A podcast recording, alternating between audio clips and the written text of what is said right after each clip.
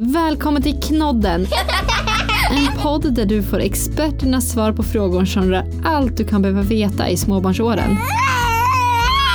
Podden skapas av föräldrapodden Norrlandspäron och Knodd, vårdappen som är specialiserade på just det här med barnhälso och sjukvård. Och vi förstår att du som förälder vill lära dig mer om ditt barns hälsa och utveckling. Därför säger vi varsågod till ett fantastiskt avsnitt av Knodden. Ha ha ha! Hej Anna! Hej, hej! Välkommen till Knodden! Tackar, tackar. Hur står det till med dig idag? Jo, men det är bara bra faktiskt. Jag har eh, haft lite ledig dag hittills. Men vad skönt! Ja, så det har varit toppen. Kan du inte berätta lite om dig själv och varför du sitter här och pratar med mig idag? Ja, absolut. Men jag heter Anna Vidin och jag är ju eh, sjuksköterska sedan typ eh, lite drygt 23 år. Eh, och ganska snabbt började jag jobba med barn, så att 17 år någonting Ja. har jag varit, eh, jobbat med barn. Eh, och barn på sjukhus till att börja med. Eh, nyfödda är liksom, det är min grund. Eh, och sen efter ja, tio år så gick jag över och har jobbat en sju år på BVC nu. Och då, ja, det är superkul och intressant och nu eh, hittade jag Knodd. Eh, så jag började jobba där eh, och därför hamnade jag här på Knodden. ja. Men gud vad kul! Vi är så glada att du är här idag. Ja, ja, det är roligt att vara här. Och eftersom du har jobbat 23 år på olika sätt inom det här så kan jag tänka mig att det ämnet som du och jag ska prata om idag eh, är inte första gången du pratar om. Nej, det pratar jag om varje dag på jobbet skulle jag säga. Ja, för idag ska vi prata om amning eller flaskmatning. Ja. Helt enkelt att mata små barn kan vi väl Precis, säga. absolut. Ja. Ja. Vad, I ditt jobb, det du pratar om varje dag, hur funkar det egentligen för föräldrar att, att amma eller flaskmata sina små barn? Ja, men det är ju så olika lite beroende på hur, eh, ja, men hur det har varit vid förlossning, vad man har för tankar kring det hela. Men alla matar ju sina barn på ett eller annat sätt och de växer och eh, så att, eh, men det, jag tycker att det funkar bra, men det finns alltid mycket frågor, en oro för att inte göra rätt. Alla föräldrar vill ju göra det bästa de kan för sina barn. Eh, så. Mm. så att jag möter diverse frågor. Ja. Jag förstår det. Jag kommer, alltså jag kommer själv ihåg första gången när, när jag blev mamma. Eh, och eh, bara, bara att förstå vad som faktiskt händer och vad kroppen, Ja. eh, vad kroppen kan klara av att göra eller vad som ibland kan strula. Eh, och hur mycket mat faktiskt små barn behöver ha. det är ganska mycket. Ja, men precis. Ibland glömmer man ju tänka på, ja, det är ju så mycket som de ska göra. De utför ju världens jobb med all utveckling och de ska växa och, och jag tror nästan kanske alla har någon som har barn, har, eh, kommer ihåg den där känslan hur det var och var lite osäker. Eh, hur ska man göra? Man vill göra allting bäst och det gick jättebra och vissa grejer går kanske inte så bra och strula lite. Eh, det brukar ju dock lösa sig. Ja, men det gör ju det på ett eller annat sätt. Ja, Men om vi börjar att prata lite om, om amning tänkte jag. mm. Hur, hur funkar egentligen amning? Hur, hur kan våra kroppar veta att vi har barn som behöver mat? ja eller hur? Det är helt fantastiskt egentligen vad våra Ja, det- det kroppar så kan coolt. fixa. Ja. Alltså det mesta påbörjas ju ganska tidigt under graviditeten faktiskt. Att brösten börjar förbereda sig, eh, sh- bröstkörtlarna för att producera mjölk. Eh, så det är ju ganska färdigt när bebisen kommer. Sen är ju den helt otroligt kapabel och fantastisk som kan liksom få fram den här, så det är ett samspel mellan eh, den ammande mamman och bebisen. Eh, också ett ganska avancerat samspel. Så eh, när bebisen suger på bröstet, då sänder den signaler till hypofysen som utsöndrar eh, både ett hormon som gör att mjölken drivs ut så att den kommer in i bebisens mun och kan svälja. Och sen också ett hormon som gör att det bildas mer mjölk. Så att så funkar det, det, det, det är rent. helt fantastiskt. Ja, och det som är jättehäftigt är att faktiskt att en liten nyfödd bebis kan klara av att ta sig till bröstet och börja liksom påbörja det här själv i stort sett. Ja, det, det är coolt när man får uppleva det. Ja, faktiskt. Va, vad, vad är fördelarna med att, att amma sitt barn? Nej, men det är eh, dels så är ju bröstmjölken anpassad för eh, den, varje mammas mjölk är unik och anpassad till just, till just hennes barn. Eh, den är ju gratis, så det är ju toppen. Mm. Eh, den, är rätt för, den är förpackad eh, sterilt och är vid rätt temperatur. Så när det funkar så är det ju, finns det ju många fördelar eh, med att amma. Det, man har ju sett att alltså, bröstmjölken är ju så anpassad också. Den ger ju många, eller flera fördelar eh, rent näringsmässigt och eh, lite immunförsvar. Den triggar igång immunförsvaret också, en delar av den. Jag kommer ihåg när jag, när, första gången jag blev mamma så kom mina tvillingar prematurt. Ja. Ehm, och det betyder att jag fick börja pumpa igång min mjölk. Vilket också var en väldigt eh, spännande resa. ja, ja, det är ju väldigt speciellt. Ja, men det är det. Men det är inte lika mysigt kan jag väl säga. Men Nej, det, det kan nog alla hålla med. Det som var otroligt häftigt var ju att eh, eh, Mattis, en av mina tvillingar, hade väldigt svårt att behålla maten han fick. Han fick ju donerad bröstmjölk för han var så liten. Men, men den hade han väldigt svårt. Han nästan i princip allting kom upp igen. Ja. Men när jag fick ju till min första, den här råmjölken, kallas det för det? Ja. Ja. Eh, så, så fick han den. Och den mjölken klarade han av. Det, det är ju häftigt. Det är otroligt att just din mjölk är så anpassad till ditt barn. Ja, det var, ju, det var ju faktiskt det som gjorde att jag orkade fortsätta pumpa igång min mjölk. Det var liksom så här, ja men han behöver den. Ja, och just det kan vara när, på en, när man, om man får sitt barn prematurt eller om barnet är sjukt eller något så kan det vara något som ger en så mycket. Det tycker jag har sett när jag jobbade hos mammor. Ja men jag kan kanske inte, det gick inte som jag tänkte när bebisen skulle komma, men jag ger min mjölk och det mår han jättebra, eller hon. Eh, och det ger en liksom kraft, för det är ju en, en tuff period om man har ett sjukt eller ett väldigt litet barn. Men om man pratar om första tiden när man ska komma igång med att, att, äh, att amma och starta den här mjölkproduktionen. Mm. Så någonting som jag inte var beredd på var att det faktiskt gjorde ganska ont för mig. Ja, det är brösten de, och bröstvårtorna framförallt, de är ju inte vana vid att bli hanterade på det där sättet. Nej.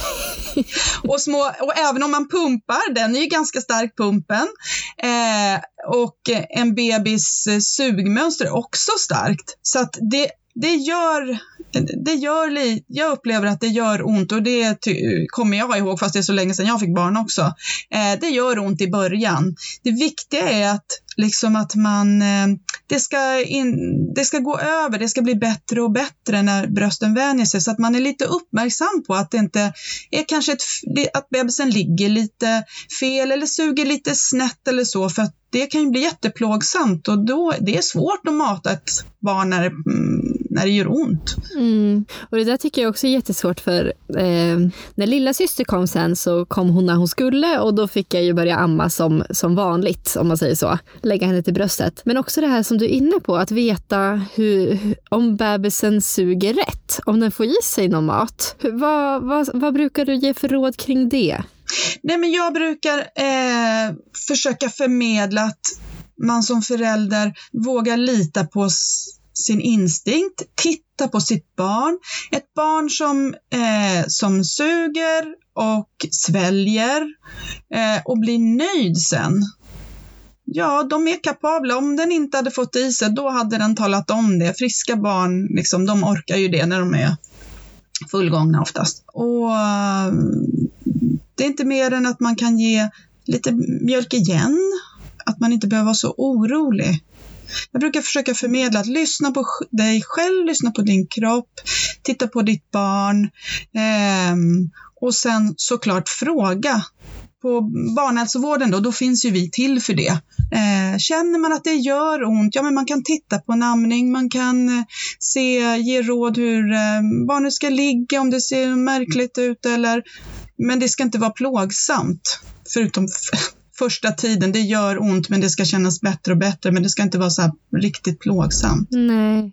Har du några bra tips när man har som ondast? Vad kan hjälpa då? Eh, ja, men dels om det gör ont och man kanske ser till och med att man har eh, något litet sår eller att det ser lite blodigt, lite rött, irriterat, då är det viktigt att titta hur, hur ligger barnet när det suger? Den ska ligga nära mage mot mage. Eh, och man kan titta på sin bröstvårta när barnet, om barnet släpper taget. Om den, den ska peka rakt fram. Om den pekar åt något håll, uppåt, neråt, höger, vänster, då har förmodligen barnet legat och sugit den åt det ena eller andra hållet och slitit lite extra på den sidan. Um, Sen finns det ju, alltså man kan hjälpa till med, alltså det är viktigt att, att, ta hand om sina bröst också. Att de får lufta emellan, att man inte har massa varmt och plastigt utan mer naturmaterial. Man kan smörja in bröstvårtan med lite bröstmjölk den sista droppen efter och låta lufttorka brukar vara toppen. Eh, var noga med att, att tvätta, inte massa tvål och kem, liksom sådana kemikalier utan eh, ta hand om sina tuttar.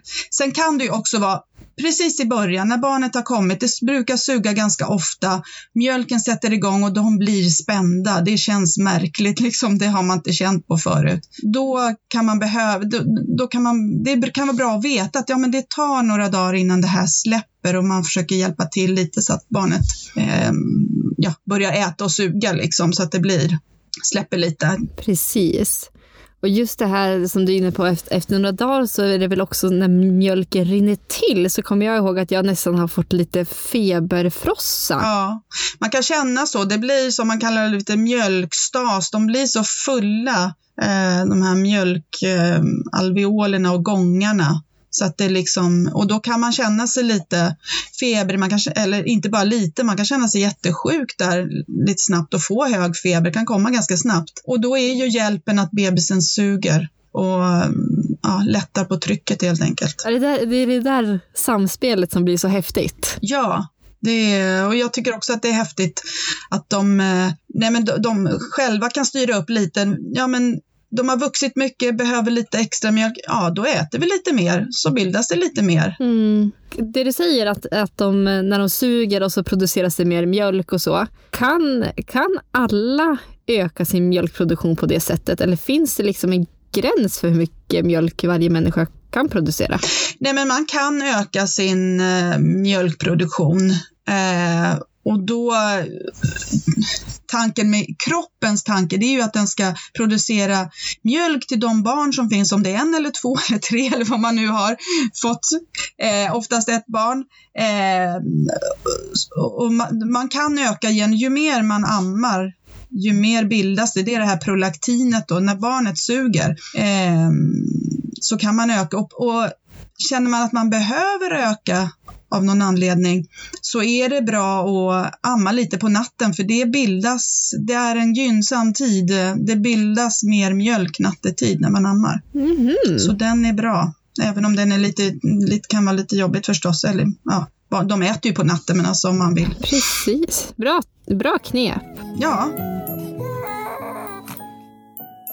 Om man kollar på det här med vad bröstmjölken faktiskt för över till barnet så är det ju mycket som jag har läst att man kanske ska undvika att, att äta för att ge barnet magknip. Mm. Eh, jag tror att jordgubbar var en sån sak som jag inte skulle äta.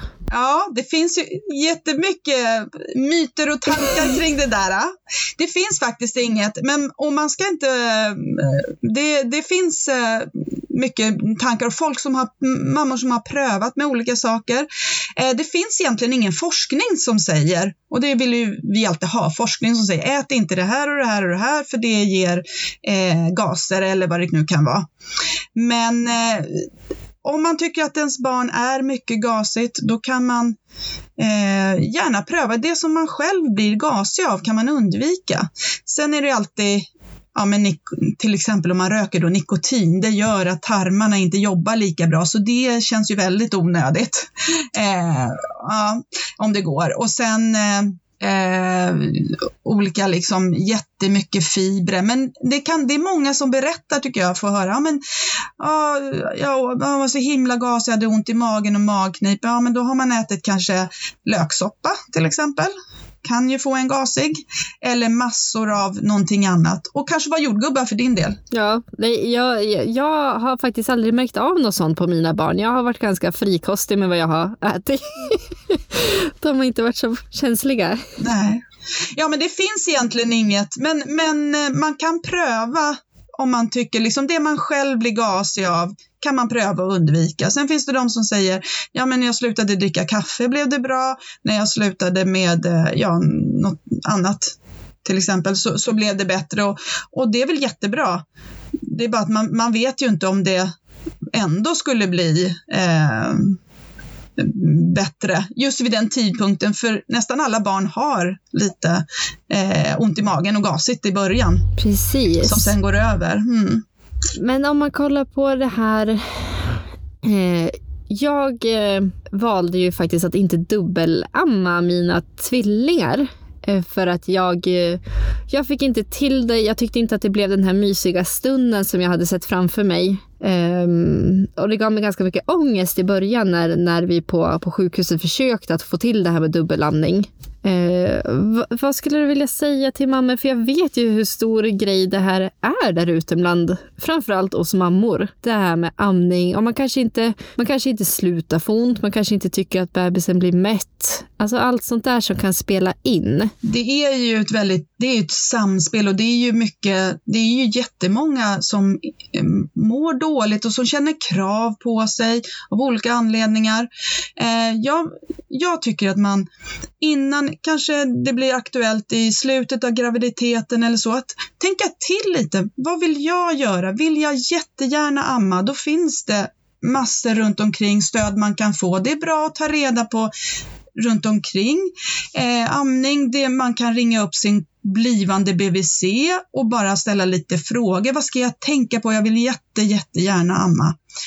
Och sen, eh, och det är ju lättare sagt än gjort, men alltså försöka att inte eh, ta åt sig så mycket av vad omvärlden tycker, för omvärlden tycker väldigt mycket om hur en mamma och en pappa, för den delen med, eh, ger sitt barn mat. Eh, och eh, så jag tycker att man ska prata ihop sig med sin partner. För den ammande mamman behöver stöttning också från sin partner. Det är inte bara att sätta igång och amma. Det är ett jobb det tar ett bra tag innan det sitter så att man som man ser mammor som sitter på café och sitter och ammar och sitter och pratar med någon. Det tar ett bra tag innan det är på det sättet. Men många tror att det, är, att det bara är att amma. Men eh, det är en ganska komplex eh, och har man eh, en, skaffat sig en uppfattning om så här vill jag göra, det här betyder mycket för mig. Eller en del, nej men det betyder inte så mycket för mig jag ammar gärna mitt barn men går det inte så kan jag både köra delamning eller köra nappflaska. Och det är jättebra att man vet det, så kan man stötta. Ja men det känns verkligen som att det är upp till var och en att känna vad man själv mår bra av också. Ja, för det är jättemånga som ställer höga krav på sig själv. Man har läst att det är det bästa för barnet att amma och det är den bästa maten. Men det är ingen dålig mat för det om man eh, använder sig av ersättning. Så nu tänkte jag med det här att vi ska gå in lite grann mer på ersättning och att flaskmata sitt barn. Ja. För att det är ju så som vi är inne på att det kanske inte funkar eller man kanske inte vill amma eller så är det något annat som gör att, att, det, att man behöver ta till flaskan helt enkelt. Det finns olika anledningar till det så att Absolut. Ja, och vi har alltid också, jag tycker flaskan är helt fantastisk i den bemärkelse att eh, pappan har kunnat vara lite mer delaktig också med när de är små. Att de inte bara är helt beroende av mig. Mm. Och det kan ju vara en anledning eh, att man som mamma av av någon anledning behöver eh, mer vila än vad man får eller man behöver avlastning eller någonting annat i en situation som gör att nej men jag behöver, vi behöver hjälpas åt även med matning. Eh, och då är ju nappflaskan toppen. Och då eh, kan man ju eh, gör man kan, alltså orkar man kan man ju pumpa så kan man få hjälp av sin partner och pappan kan mata. Eh, och, eh, men annars så, så är det ju ersättning som finns. Och kan alla, kan alla bebisar när de föds använda flaskan?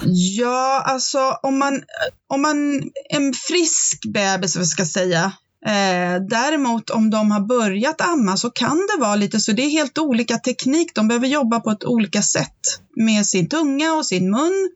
Och det de har liksom i sig det är ju att de ska suga på bröstet. Så i början kan det vara lite svårt eh, att både amma och ge nappflaska.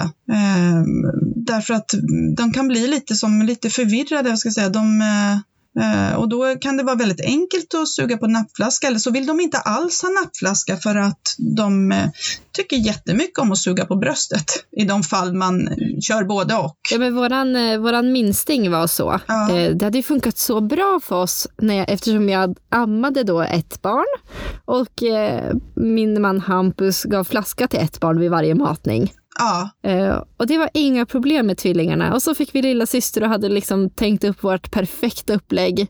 Och hon vägrar flaskan. Ja. Alltså, det, det ställde ju till det.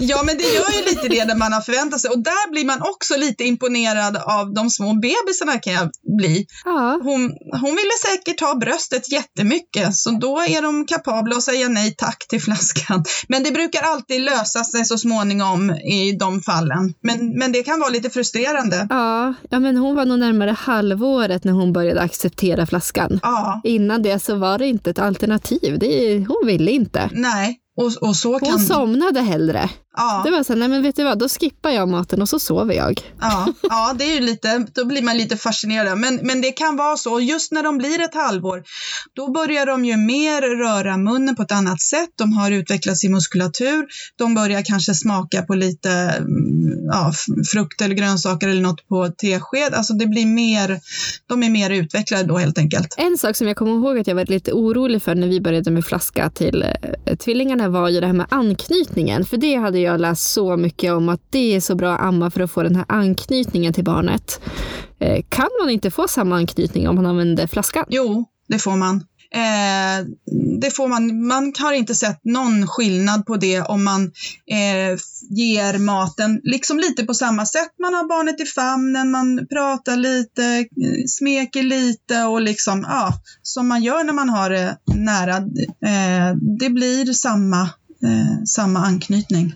För det är inte själva, det är inte själva, bara själva bröstet och, och, typen av mat, utan det är ju hela hur, hur du håller i ditt barn, hur du eh, tittar på det, ler mot det, pratar, smeker, alltså allt det där gör anknytningen. Så man har inte sett någon skillnad och jag tycker inte att jag har sett under mina år heller de som har eh, ja, gjort det ena eller andra. Nej, men det var ju så mysigt att också flaskmata. Alltså det var ju samma intima stund känns det som. Ja, det är själva hela den biten som gör det. Och visst, när man har, om man flaskmatar då kan ju faktiskt pappan få ta del av det här fina som, ja, som man inte kan göra annars. Precis. Det här med att välja rätt ersättning då, för det finns ju ganska mycket i butikshyllorna idag. Ja, det finns det. Det finns väl, alltså eh, de är ju de eh, ersättningar som säljs i Sverige, det är väldigt stor kontroll på vad de innehåller och eh, så att de är ganska likvärdiga. Det finns ju några märken Eh, och då, bruk, då, finns det ju en eh, nummer ett då, som är från 0 till 6 månader. Eh, och man kan egentligen välja vilken av dem. Där är det också, tycker jag, en bra idé. Gå in och titta lite på vad innehåller de, vad är viktigt för mig. Det finns någon som är mer ekologisk och det finns någon, men själva innehållet är väldigt lika och eh, energimängd och, och sådana grejer. Sen har ju nästan alla märken någon variant som ska vara lite lättare att smälta. För det, det, det, det går inte att få ersättningen det är en jättebra sätt för ett barn att växa. Det går inte att få den exakt lika som bröstmjölken så att den kan vara lite svårare att smälta ibland och en del barn går alltså utmärkt för, de allra flesta och en del har lite jobbigare. Och då finns det någon variant, de flesta, de flesta märkena har en variant som är lite lätt, mer lättsmält också. Eh, men annars är det en smaksak skulle jag säga. Finns det något annat som du tycker är viktigt eh, eller som du brukar rekommendera föräldrar som flaskmatar sina barn kring just hela matningen? Nej, men det är att göra det till en, liksom, en mysig stund. Eh, det kan ju vara bra att förbereda lite så att man, eh, för det tar ju lite en stund att, att få ordning på eh, ersättningen till redaren.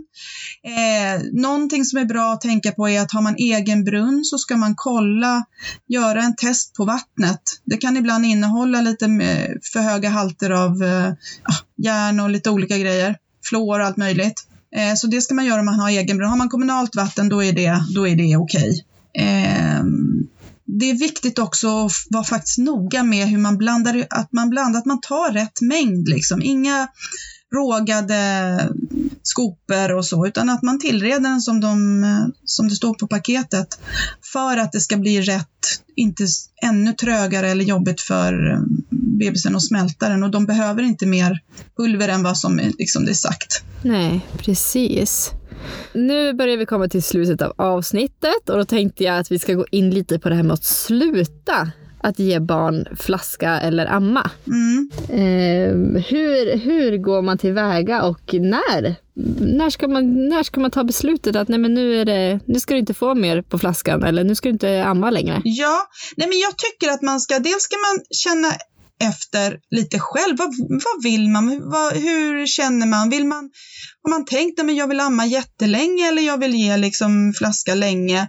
Eller eh, vill man, har man en viss tid? En del ska börja jobba. Det finns olika i, i, i familjesituationer som gör att man har olika tid. Så. Men vad man säger är ju sex månader med bröstmjölk eller ersättning är jättebra. Det, det, då klar, det klarar sig barnen bra på att växa och utvecklas. Sen är det dags att börja ge lite eh, mat, fast mat i form av kanske lite grönsaker eller frukter. Sak, så sakteliga trappa in det. Och då brukar det gå ganska naturligt att om barn, om man har ett barn som är jättenyfiket, tycker det är jättegott, de äter och då blir det per automatik att de eh, äter lite mindre ersättning eller eh, bröstmjölk. Mm, precis. Eh, har man ett barn som inte är så nyfiket på mat utan helst jättegärna vill amma, eh, då får man ta det helt enkelt, följa barnet, ta det försiktigt hålla koll, där kan ju vi vara behjälpliga på barnhälsovården. Man håller, växer barnet bra eh, så, så tar man det i barnets takt. Eh, behöver man sluta tvärt av någon anledning, man kanske blir sjuk, behöver ta någon medicin eller så vidare vad det gäller amningen, då, ehm, då kan det ju bli jobbigt med att brösten är så fyllda igen då som de var från början. Man får försöka lindra med värme och lite sådär. För att de, för suger inte barnet då minskar ju produktionen och till slut så har det löst sig självt. Mm. Men det kan ju vara ganska svårt att sluta, framförallt amma kände jag. Om man, om man har ammat så kan ju det ja. vara en ganska stor grej för både mamman och barnet att, att sluta. Finns det några bra tips för hur man kan gå tillväga där? Ja, men alltså framförallt att man som mamma eh, själv, alltså känner att man är redo att sluta. För om man själv inte vill sluta, man har ju ett väldigt tajt band med sitt barn, de känner ju det. Så att man behöver liksom bestämma sig och sen ofta så är det bra att trappa ut det. Har man ett barn som absolut inte vill, det är väl några få gånger som jag har varit med om att barnet vill absolut inte sluta amma, men man själv vill det, det kanske man, barnet kanske är ett och ett halvt år, alltså att det har gått länge, då, då får man helt enkelt sluta bara. Eh, och då kan ibland, det, ibland pappa behöva hjälpa till. Eh, för då är ju också mat, bröstmjölken är ju mat, liksom inte alls lika stor tröst eh, behöver vara det i alla fall. De är ju så pass stora att de kan ha tröstas av annat. Mm. Närhet och ja. Men det känns som att här, summan av kardemumman med amning är att alla är olika och att det är okej okay att det är så. Ja, det tycker jag egentligen borde, ska, behöver vara genomgående, liksom den så här, tanken att röda tråden att ja, det är olika. Eh, det är viktigt att alla mår bra. En eh, välmående mamma och pappa, oftast välmående barn, vare sig de ammar eller inte ammar. Eh, man måste må, det måste kännas bra för alla och det kan vara olika. Och i Sverige idag växer barn, utvecklas fint på både och. Verkligen. Och är det så att det är någon som lyssnar nu som kanske har börjat amma precis eller vill kanske ska börja amma om ett tag eller mata sitt barn på ett eller annat sätt så finns det ju på knodd.se under fakta och råd så finns det ju massa bra tips kring det här första tiden hemma eh, och amning och så. Så där kan man hoppa in. Ja, det finns jättemycket tips. Absolut. Eh, det är bra att, leta rätt på den stöd man kan hitta och in, det är helt okej okay att behöva det den här första tiden. För det är en stor omställning. Ja, för stöd finns att få. Ja, det finns det. Eh, så att man ska inte vara rädd att be om stöd och råd. Det finns sådana fantastiska människor som du som hjälper oss vilsna föräldrar. Ja, mm. Ja, men jag tror att många gånger lyssna på sig själv. Man eh, har, kan mer, eh, lita på, mer på sig själv än vad man tror, även om det är första barnet. Tusen tack Anna för att du var med och berättade om allt det här och klargjorde lite för oss. Ja, tack för att jag fick vara med. Du får ha en fortsatt fin dag. Tack så mycket detsamma.